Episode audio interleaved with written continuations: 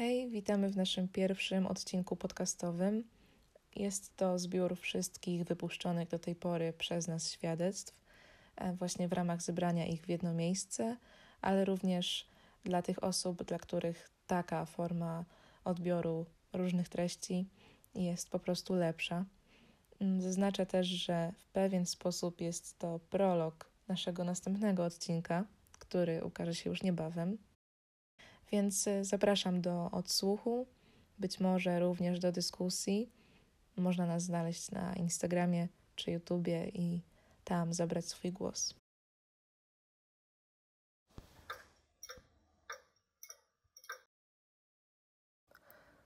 Nie zgadzam się. Nie zgadzam się na łamanie praw kobiet. Nie zgadzam się na łamanie praw człowieka. Nie zgadzam się na odbieranie mi wyboru. Nie zgadzam się na ocenianie. Nie zgadzam się na mylenie pojęć. Nie zgadzam się na kolejną propagandę. Nie zgadzam się na owczy pęd. Nie zgadzam się na nienawiść. Nie zgadzam się na agresję. Nie zgadzam się na dezinformację. Nie zgadzam się na zapominanie o tym, co nas łączy. Nie zgadzam się na zapominanie o tym, co tak naprawdę jest ważne. Nie wierzę, nie wierzę, że dziś, w obliczu największego kryzysu współczesnej historii, muszę wyjść na ulicę. Nie wierzę, że moje poświęcenie pójdzie na marne. Nie wierzę, że skupiona dziś energia ludzi kierowana jest w przeciwnym kierunku niż powinna. Nie wierzę, że ogarnia nas tak ogromny gniew, że stajemy się ślepi. Nie wierzę, że w momencie, kiedy mamy szansę wygrać, popełniamy dokładnie ten sam błąd, co zawsze. Nie wierzę, że jesteśmy tak ulegli manipulacji. Nie wierzę, że zamiast propagować miłość, to, czego brakuje naszemu przeciwnikowi, używamy tej samej broni co on. Nie wierzę, że daliśmy sobie wmówić, że zgasimy ogień ogniem. Nie wierzę, że jesteśmy tak zamknięci. Nie wierzę, że w momencie największej szansy na kooperację, wzajemne wsparcie i pojednanie się Polaków po latach, szczujemy się nawzajem. Nie wierzę, że ruch, który mógłby zmienić oblicze tej okropnej rzeczywistości, wpada w wir chaosu i hipokryzji.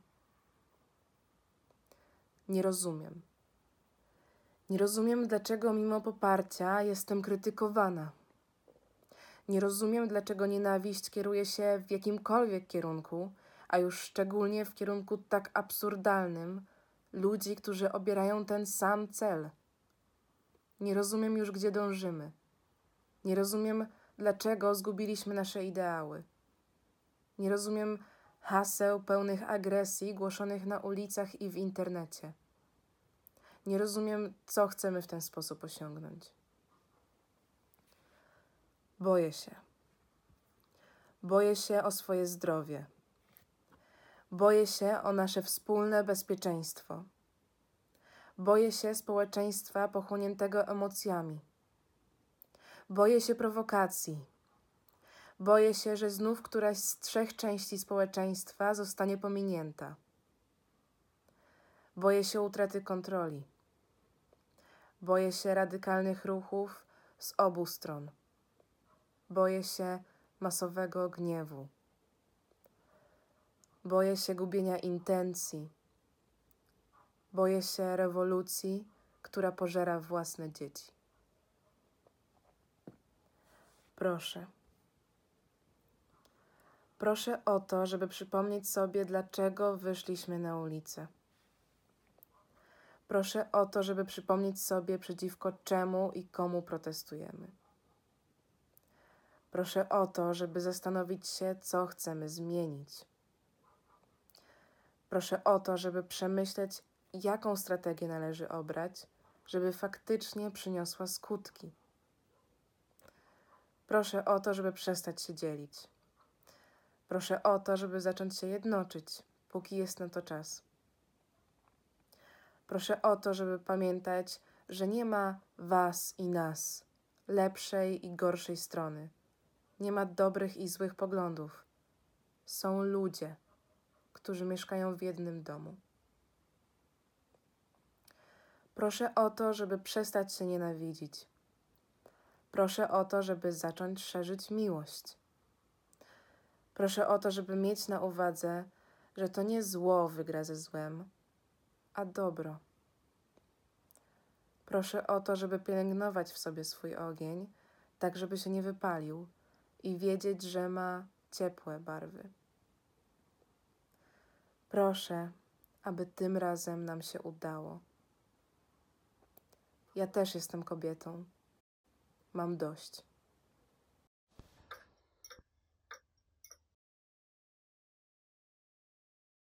Mam 24 lata i na przestrzeni całego dotychczasowego życia, które przeżyłam już jako świadoma obywatelka, świadoma kobieta, pierwszy raz obserwuję tak ekstremalne zjawiska społeczne. Przez wzgląd na moją dużą wrażliwość i silne odczuwanie rzeczywistości, która mnie otacza, ostatnimi czasy gromadzą się we mnie różne złożone emocje, myśli i refleksje, i poczułam potrzebę, aby się z nimi zmierzyć i wypowiedzieć je na głos. Chciałabym podzielić się z Wami moim świadectwem. W ubiegłą środę po raz pierwszy w życiu uczestniczyłam w strajku, i to nie jest tak, że nie chodzę na protesty, bo jestem obojętna. Wręcz przeciwnie. Jednak taka forma sprzeciwu społecznego zawsze budziła we mnie pewne wątpliwości, bo widziałam, że szybko wymyka się to spod kontroli i odbiega od swojej pierwotnej intencji. Od kiedy pamiętam, zawsze nosiłam w sobie lęk przed gniewem przed gniewem, który zalewa umysł, jest poza kontrolą i poza nami samymi. Czasem gniew jest jednak słuszny. Ja mam swoją definicję tej słuszności, którą buduję od lat i wciąż staram się dochodzić do jej najczystszej, najbardziej spójnej ze mną formy. Mój słuszny gniew to gniew, który oczyszcza głowę z wszelkich dylematów elektryzuje neurony i prowadzi do konstruktywnego działania. Dodaje odwagi i wyższej świadomości, pozwala dostrzec meritum, dojść do źródła, reagować i kreować. Przede wszystkim jednak jest zdyscyplinowany i bezwzględnie skuteczny. Na proteście, kiedy szłam wśród tłumu wyprostowanych, dumnych ludzi, Przestałam się bać. Pamiętam, kiedy podjechał do nas ambulans i ratownicy medyczni zaczęli rozdawać kobietom kwiaty. Pamiętam ludzi w tramwajach, którzy machali nam przez okna i mieli łzy w oczach. Pamiętam tańczących ludzi na balkonach z, głośni z głośnikami na ramionach. Pamiętam też kierowcę autobusu, który z szerokim uśmiechem na twarzy trąbił i wturował tłumowi. Pamiętam starszą panią w oknie starej kamienicy, wybijającą tłuczkiem rytm na blaszanym garnku i też małą dziewczynkę, która siedziała po turecku na chodniku i grała coś na tamburynie. I powiem Wam szczerze, że w tych momentach czułam, że współistniejemy ze sobą. Zupełnie zapomniałam, że jesteśmy tam przeciwko komuś. Uświadomiłam sobie, że jesteśmy tam dla czegoś.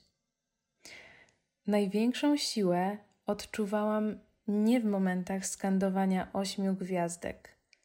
Największą siłę czułam z samego faktu współistnienia. W momencie ciszy i dumnego unoszenia głowy. Było tam ze mną ponad 60 tysięcy ludzi i nie byłam w stanie ogarnąć umysłem tego bezmiaru myśli, emocji, które zgromadziły się w jednym miejscu, w jednym celu. To jedno wydarzenie, z pozoru polityczne, choć tak naprawdę społeczne, było tylko zapalnikiem do przebudzenia. Ludzie poczuli, że muszą się połączyć. Lecz myślę, że to nie walka z wrogiem, są tym fundamentalnym łącznikiem. To według mnie zapisana gdzieś głęboko w naszych umysłach świadomość, że my od początku byliśmy razem. My jesteśmy wspólnotą z gruntu. I nie dajmy sobie wmówić, że stworzyliśmy ją na potrzebę wojny. My ją mamy, to nasz organiczny warunek bycia. To jest nasz przywilej. Nie dawajmy nikomu przyzwolenia na to, aby wmawiał nam, że jesteśmy inni, podzieleni, że jesteśmy swoimi wrogami.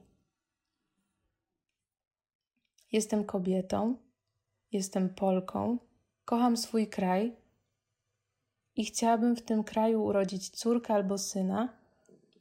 Nie mogę jednak pogodzić się z myślą, że musiałabym pokazać mu świat, który jest tak popękany. Nie mogę wyobrazić sobie tego, że musiałabym tłumaczyć się mojemu dziecku z niekontrolowanego, nieuzasadnionego gniewu, który na niego spływa. Być może mój syn będzie gejem, być może moja córka będzie kiedyś w ciąży, która zagraża jej życiu. Moi rodzice wychowali mnie w duchu wolności i szacunku do moich własnych wyborów. Dali mi pełną autonomię myślenia, odczuwania i dokonywania decyzji. I ja chciałabym być taką mamą dla moich dzieci. Chciałabym wychować je świadomie i dać poczucie, że są kochane bezwarunkowo. Nie widzę jednak bezpiecznej przyszłości, w której żyje moje dziecko. Nie wiem, czy kiedykolwiek na macierzyństwo w pełni świadomie się zdecyduje. Ten obraz jest dla mnie jeszcze bardzo niepewny i, i rozmyty. Dlatego czuję wewnętrzny obowiązek, aby ten obraz wyostrzyć.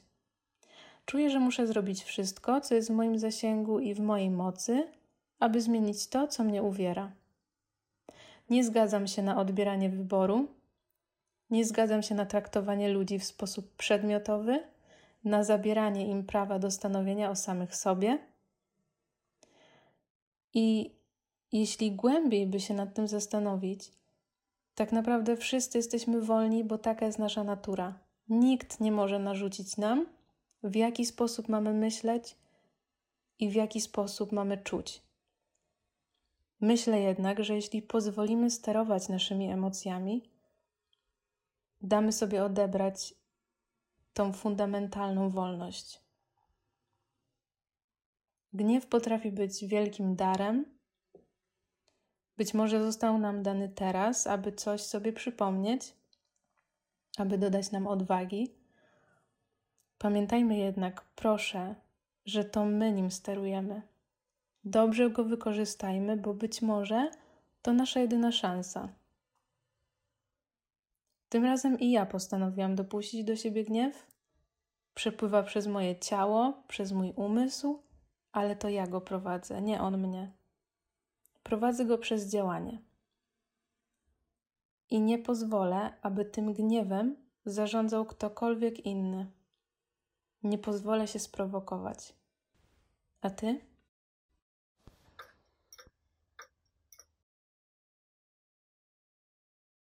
Żyjemy w bardzo trudnym momencie. I mówię tu o nie tylko o pandemii koronawirusa, nie tylko o kwestiach protestów i kwestiach ataku na wolności osobiste, ale mówię też o rzeczach, które się dzieją geopolitycznie, geostrategicznie. Czy będziemy chcieli wzmacniać wolności jednostki, możliwości samostanowienia, racjonalnych wyborów? Czy będziemy te wybory narzucać? Czy będziemy kazać ludziom myśleć w sposób, który sami im zaproponujemy jako władcy danego państwa? Czy zaczniemy uprawiać znowuż inżynierię społeczną? Nie jestem za tym, żeby nami ktokolwiek sterował. Uważam, że wolności, które posiadamy, są najbardziej fundamentalnym, istotnym budulcem naszej świadomości. I o tym musimy pamiętać. Tylko w walce o te wolności nie możemy się zaślepić i nie możemy patrzeć, że cel uświęca środki. Jeśli my wymagamy tej wolności, respektujmy wolność innych. I właśnie w tym duchu nagrywam moje świadectwo.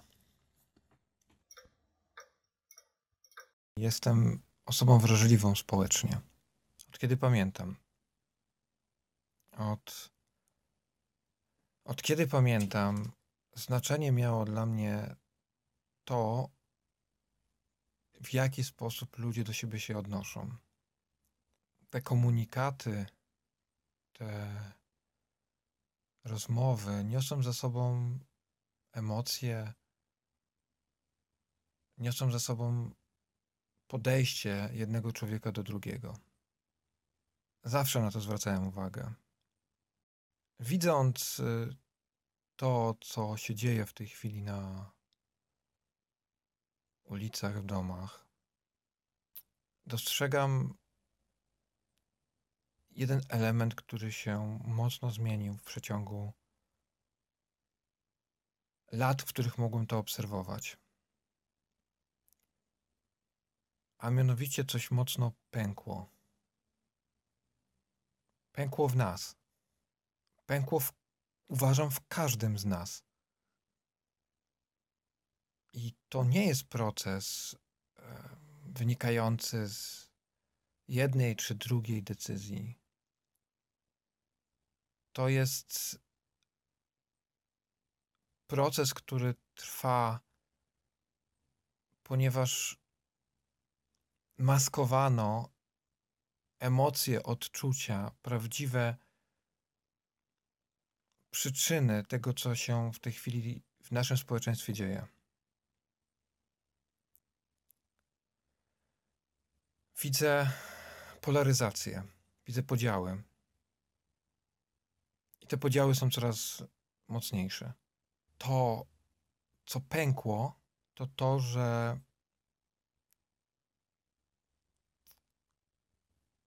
ludzie zaczynają wracać tych trudnych czasach do siebie, do zbiorowości, do społeczności, do wartości osobistych. Już odkładają maski, które nosili w pracy, w domu, w trudnych rodzinach, czy bogatych, czy biednych, czy udawali, że nic się dookoła nich nie działo. To, że w czasie pandemii mnóstwo osób straciło pracę, to, że w czasie pandemii mnóstwo osób dostało chorób związanych y, z nerwami, z, ze stanami lękowymi, to, że mnóstwo osób popełniło samobójstwo, co jest tematem tabu. Od zawsze chyba w Polsce, od kiedy żyję sąsiad nie żyje, wynoszą i cisza. Każdy chyba z moich znajomych w tym trudnym okresie borykał się z olbrzymimi trudnościami, czy finansowymi, czy osobistymi, czy tym, że na przykład ich przyjaciel nie wytrzymał i, i, i, i zrobił coś, co, co jest krokiem trudnym do, do, do wyjaśnienia. My te wszystkie, tak z mojego punktu widzenia, te wszystkie cierpienia nosiliśmy w sobie i przykrywaliśmy je i przykrywamy je e, różnymi łatkami e, związanymi z, ze stanami, którymi, którymi próbujemy sobie to wyjaśnić. Staramy się dzielić nas samych na tych, którzy są pod względem danej wartości zgodni czy nie. Zaczynamy szukać winnych, to jest najprostsze. Oni, wy. Zaczynamy mówić o, o tym, że gdyby nie oni, byłoby inaczej. A czasy są trudne. Uważam, że coś pękło w narodzie Tak, wiem, że to są słowa bardzo wyniosłe, wręcz bezczelne, ktoś by powiedział, ale Polacy, od kiedy pamiętam, w trudnych chwilach szli ramię w ramię, jednoczyli się. Tylko dlaczego my jednoczymy się tylko w sytuacjach, w których naprawdę już coś się wydarzyło tragicznego? Dlaczego nie potrafimy robić tego na co dzień? Potrafimy, tylko dlaczego nie, nie znajdujemy w sobie tej siły? I teraz w sytuacji pandemicznej, sytuacji, która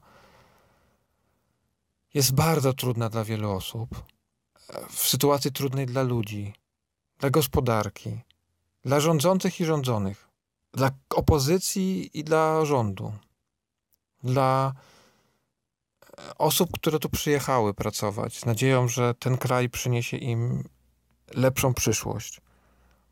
Dlaczego w tak trudnej sytuacji zaczynamy się jeszcze bardziej dzielić? Jesteśmy mądrym narodem, jesteśmy mądrym społeczeństwem, tylko musimy sobie o tym przypominać. Część osób protestujących w tej chwili na marszach zaczyna sobie zawłaszczać ten, te działanie, te protesty. Kto nie, nie spełnia tych wymogów, które my daliśmy, to niech wy. Kto nie jest zwolennikiem ośmiu gwiazdek, to ten niech. Kto używa tego symbolu, a mówi o czymś innym, to jest. Nie, nie ma patentu. Uważam, że nie ma patentu na sprzeciw, bo uważam, że to, co było wykrzykiwane na początku to jest wojna, jest błędne i ludzie szybko się zawstydzili. To nie jest wojna. To jest sprzeciw. Ale ten sam sprzeciw jest też wśród ludzi, którzy myślą po prostu trochę inaczej. Tylko teraz kto nas zagania do tego? Zarówno ci, którzy idą w proteście, mają różne motywacje. Ale łączy ich sprzeciw. Sprzeciw przeciwko temu, żeby nie atakowano wartości osobistych, żeby nie odbierano nam wolności osobistej. Zaś druga strona, jakbym to powiedział, druga strona, inni, którzy po prostu myślą trochę inaczej, są narzucani hasłami, że reszta chce zniszczyć ich y, wartości, zniszczyć kościoły, zdeptać to, co dla nich święte i wychodzą przed kościoły i też głoszą sprzeciw. Co nas dzieli? Tak naprawdę niewiele. Mamy sprzeciw przeciwko temu, żeby grzebano nasze wartości. Mimo wszystko widzę pewne symptomy pozytywne, a mianowicie obserwując strajki, widzę że coraz więcej symboli, że na przykład ludzie wychodzą pod kościół i widząc, że nie są atakowane kościoły, E, potrafią wystawić transparenty jesteśmy z wami, tylko zostawcie wartości tradycyjne. Szukają tego, co łączy. I mam nadzieję, że w tym podejściu do sprzeciwu będziemy szukać tego, co łączy. I szukać tego, co jest teraz przez niektórych odrzucane. Czyli pojednania, czyli czasami trudnych kompromisów. Kompromis nie oznacza zakończenia sprzeciwu. Kompromis oznacza wyrównanie szans. Szans, które powinno być, powinno być dla nas, dla społeczeństwa, bo nie ma podziału my i oni. Jesteśmy my, my i jesteśmy my o odmiennych poglądach. Nieśmy razem sprzeciw, przeciwko podziałom naszego społeczeństwa. Nieśmy razem sprzeciw przeciwko przemocy w jakiejkolwiek formie. Uśmiechnijmy się do ludzi, którzy w swojej frustracji, złości i często w słusznej postawie gniewu krzyczą głośno, często wulgarne słowa z jednej czy z drugiej strony, ale spróbujmy powiedzieć lub podsunąć inne słowa takie, które łagodzą. takie, które są konstruktywne, takie, które nie niszczą możliwości porozumienia między nami. Nie uda się, nie uda się nikomu skłócić narodu, nie uda się nikomu skłócić społeczeństwa, nie uda się tak spolaryzować Polaków, żebyśmy się już zupełnie nie mogli do, dogadać. Nie pozwolimy na to. Coś pękło. Coś pękło dlatego, że zaczynamy mówić o tym, co nas boli w środku. Bardzo głośno. Mówmy. Ale mówmy to, mówmy to tak, żebyśmy tak naprawdę sami to zrozumieli. Nie odpuszczajmy, działajmy, bądźmy razem.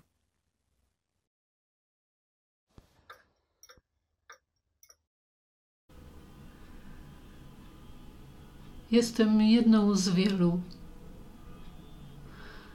Mam 48 lat. Jestem matką trójki dzieci. Jedno spoczywa w grobie.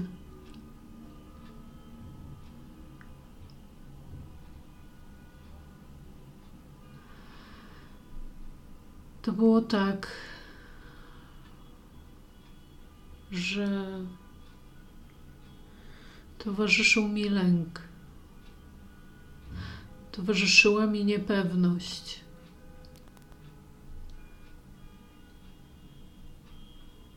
Ale kochałam moje dziecko, nosząc je pod sercem.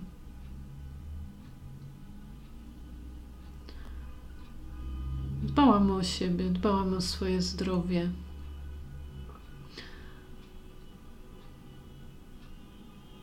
Robiłam regularne badania, przychodziłam na wizyty kontrolne. Zgłosiłam pani doktor, że niepokoi mnie fakt, iż odczuwam słabe ruchy płodu.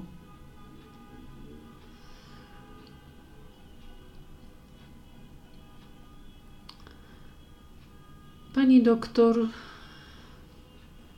doświadczona, leciwa kobieta, powiedziałabym, nie niepokoiła się tym faktem.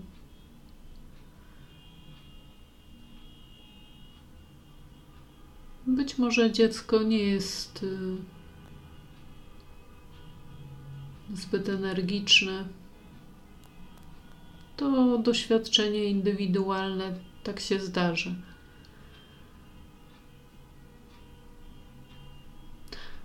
To było między siódmym a ósmym miesiącem.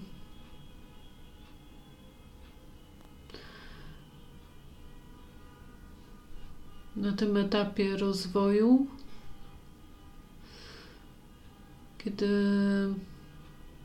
czułam silne napięcie w podbrzuszu, I nagle zaczął się ból. Nagle poczułam, że brzuch się obniża.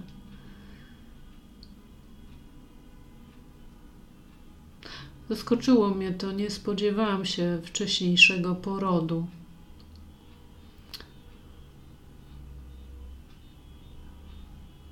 Stan ten mnie na tyle zaniepokoił, że udałam się do przychodni, do gabinetu lekarskiego, jednak na moje nieszczęście lekarka była niedostępna, nikt jej też nie zastępował. To był okres urlopów. Pomyślałam sobie, no trudno, jakoś dam radę, dojdę do domu ale zdążyłam zejść po kilku schodniach, stopniach przychodni. Kiedy ból dał sobie we znaki, zrozumiałam, że to nie żarty, że nie dam rady. Zgłosiłam się do portierni. Zaprowadzono mnie do lekarza internisty, kazano spocząć na kozetce i zawezwano pogotowie. Dziwnie się czułam jadąc przez miasto na sygnale, spoglądając za szyby na znajome ulice.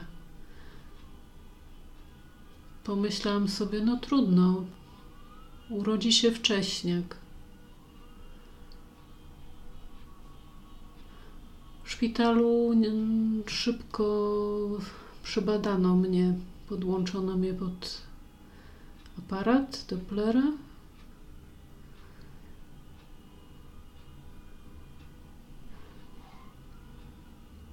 To były silne emocje, nie pamiętam szczegółów. Pamiętam tylko twarz pani doktor. To była dość młoda kobieta. Niestety mam dla pani przykrą wiadomość. Pani dziecko jest martwe.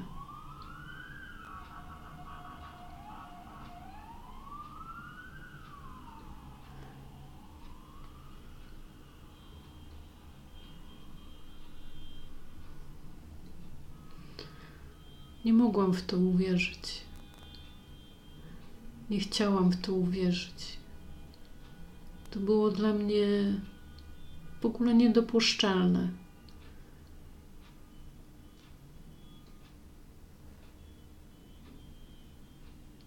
Po chwili dotarło do mnie, co powiedziała lekarka jeszcze prócz tego.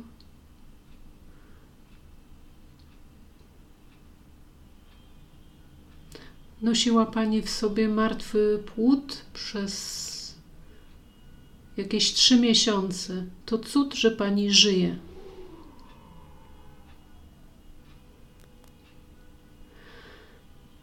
Tego wymuszonego porodu nie wspominam dobrze. Ból był tak potworny,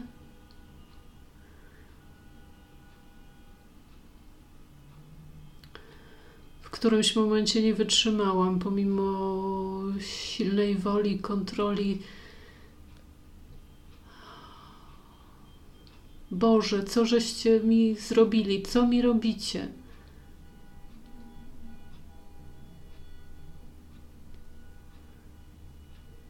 Pamiętam przez moment kształt małego ciałka, które mignęło mi przed oczyma, ale które natychmiast zabrano. Zapadłam w głęboki sen. Kiedy się wybudziłam, strasznie płakałam.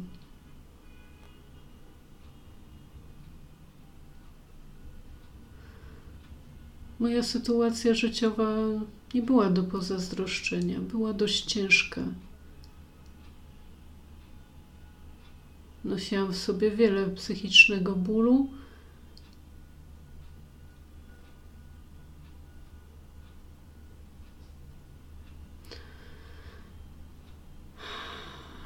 Ten był kolejnym.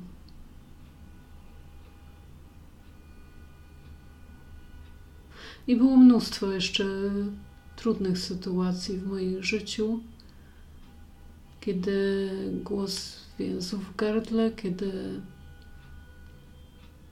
nie wiedziałam, co zrobić, nie wiedziałam, co mnie czeka. Czułam przerażenie, niepewność, strach. I tak było powielekroć. Uważam, że życie nikogo nie oszczędza. Z doświadczenia wiem, że zawsze znajdą się ci, którzy mają pakiet dobrych rad i chcą oceniać.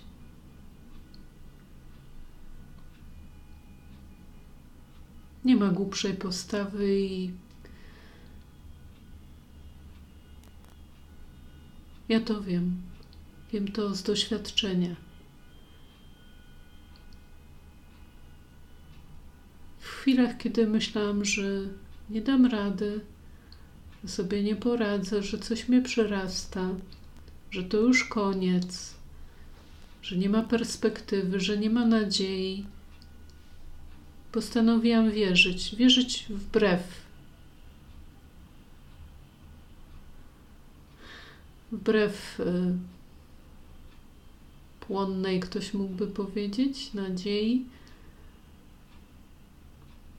Ta wiara zawsze mnie trzymała przy życiu. Jestem chrześcijanką. Nigdy nie wątpiłam w istnienie Boga. Miałam to szczęście i ten dar, że od dziecka intuicyjnie czułam Jego obecność w moim życiu.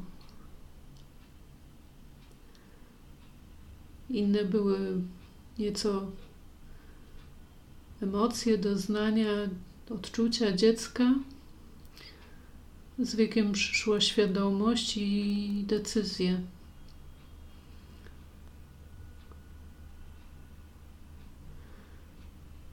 Nie każdy ma to szczęście, by pojąć swoim sercem i poczuć istotę boską. Nie każdy to czuje.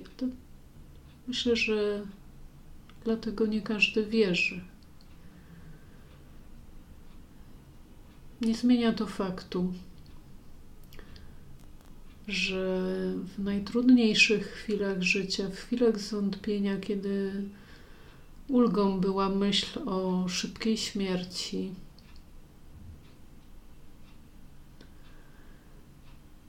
Ta wiara pozwoliła mi wytrwać. I wiem jedno, że złe emocje, smutek, ból i rozpacz są złym doradcą. Podobnie jak gniew, zburzenie.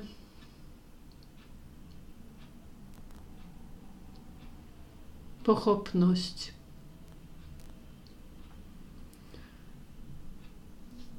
Dzisiaj, kiedy żyjemy w trudnym czasie, mogę powiedzieć, że trudny czas jest zawsze. Jeśli jesteś młodym człowiekiem,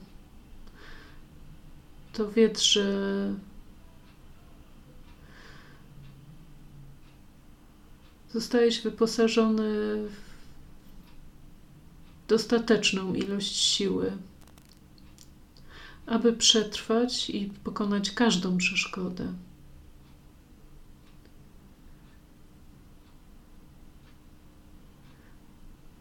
I pokonać ją w taki sposób, aby być w zgodzie z sobą, aby nie poddać się manipulacji innych, i nie mówię tu o manipulacji ze strony władz.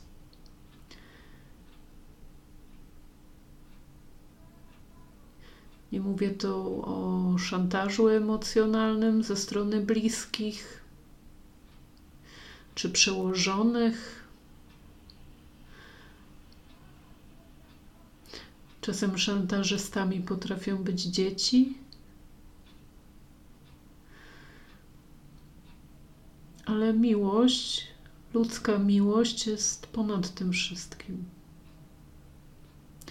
Jednak wymaga ona jednej zasadniczej postawy. Aktu woli.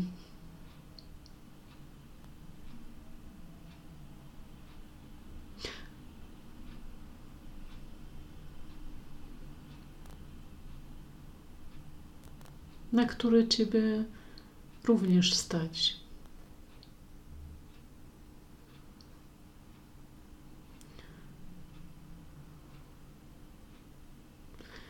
Chcę Ci powiedzieć,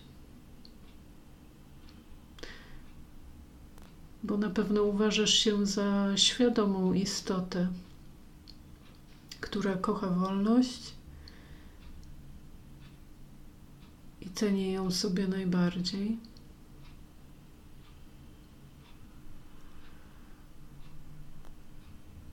Że jesteśmy wszyscy do siebie podobni.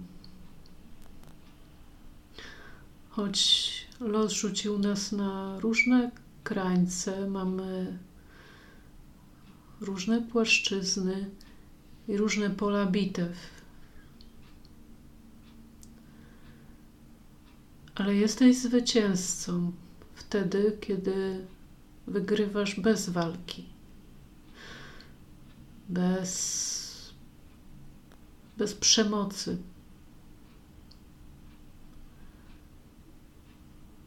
Jesteś zwycięzcą,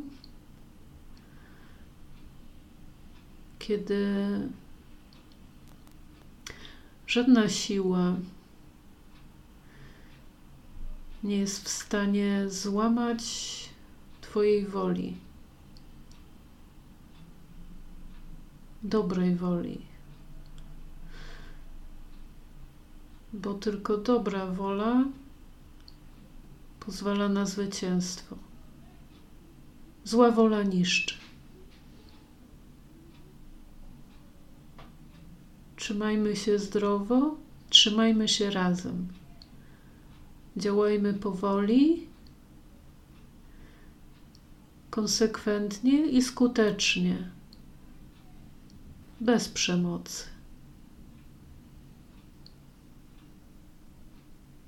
Naszą siłą niech będzie wytrwałość i konsekwentne dobro.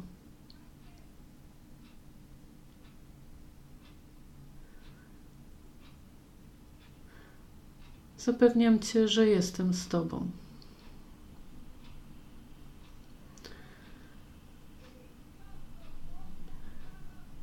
Jestem z Tobą tak, jak są z nami niebo i gwiazdy i ziemia, dopóki nasz czas nie przeminie na ziemi.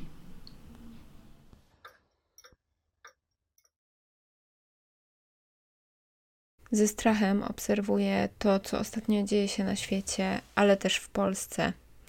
Najświeższe przykłady agresji to na przykład Marsz Niepodległości w Warszawie, który kolejny już rok utwierdza mnie w przekonaniu, że jako Polka kochająca swój kraj i ludzi w nim zamieszkujących, wolałabym nie znaleźć się w Warszawie tamtego dnia. To, co widziałam na licznych relacjach ze świętowaniem niepodległości, nie miało zbyt wiele wspólnego.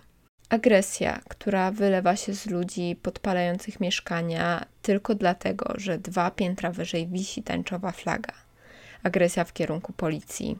Agresja w kierunku ludzi o innym wyznaniu, kolorze skóry, orientacji czy poglądach.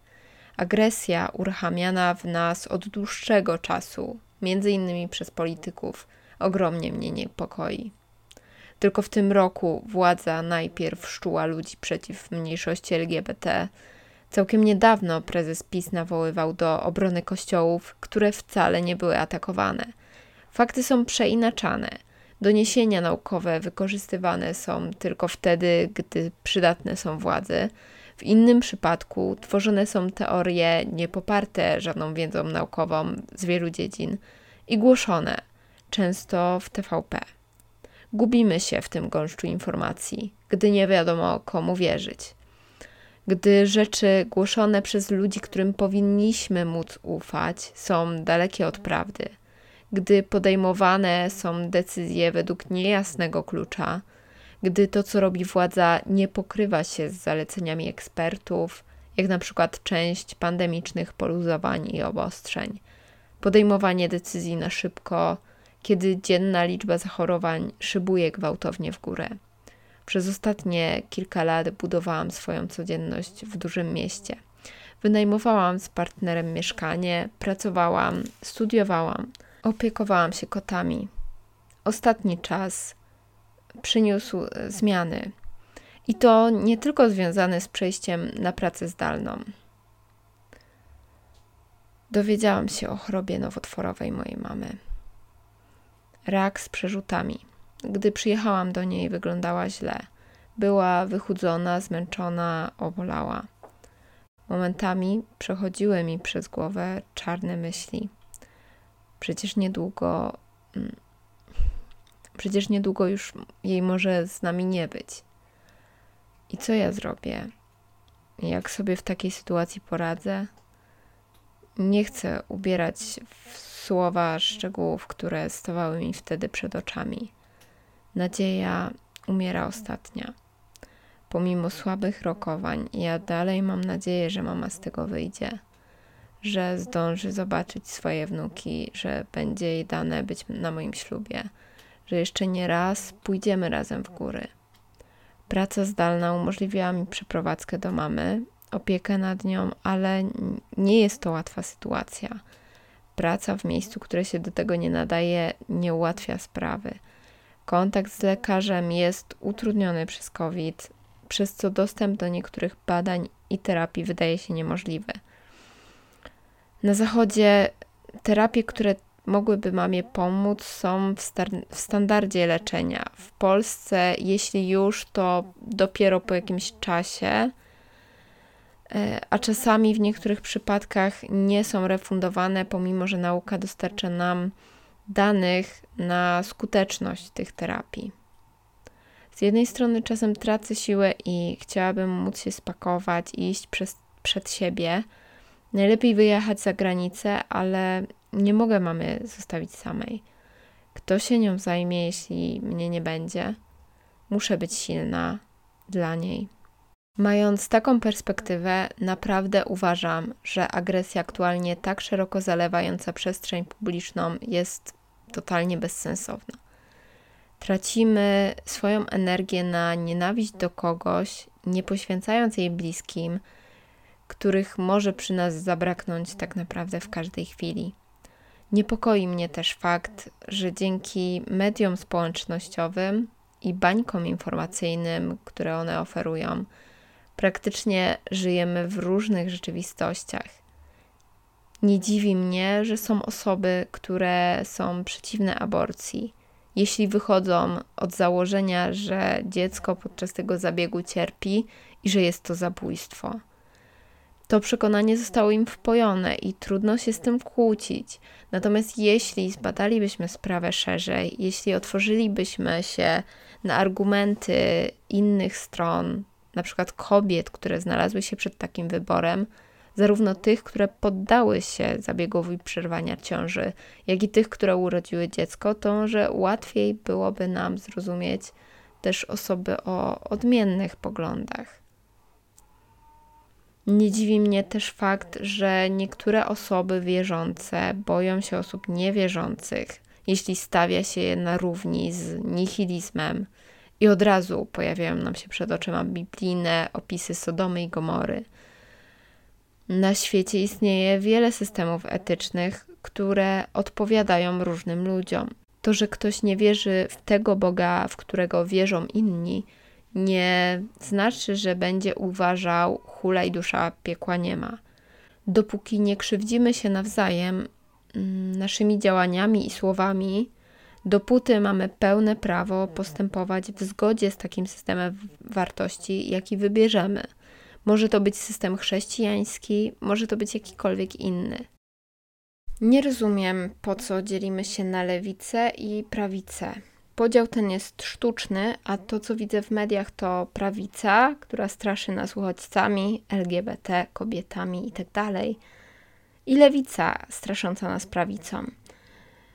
Ciągle gra się na naszych emocjach, abyśmy byli zbyt zajęci wkurzaniem się na jednych czy drugich, albo obroną przed kimś, abyśmy tylko nie powiedzieli sprawdzam. Wyobrażam sobie świat, w którym katolicy mogą chodzić do kościoła wtedy, kiedy tego chcą, a obok żyją sobie spokojnie osoby o innych przekonaniach. Nikt nikomu nie przeszkadza i nie narzuca swojej filozofii życia. Marzę o takiej Polsce, gdzie znajdzie się miejsce dla wszystkich i głęboko wierzę, że taka może być nasza przyszłość.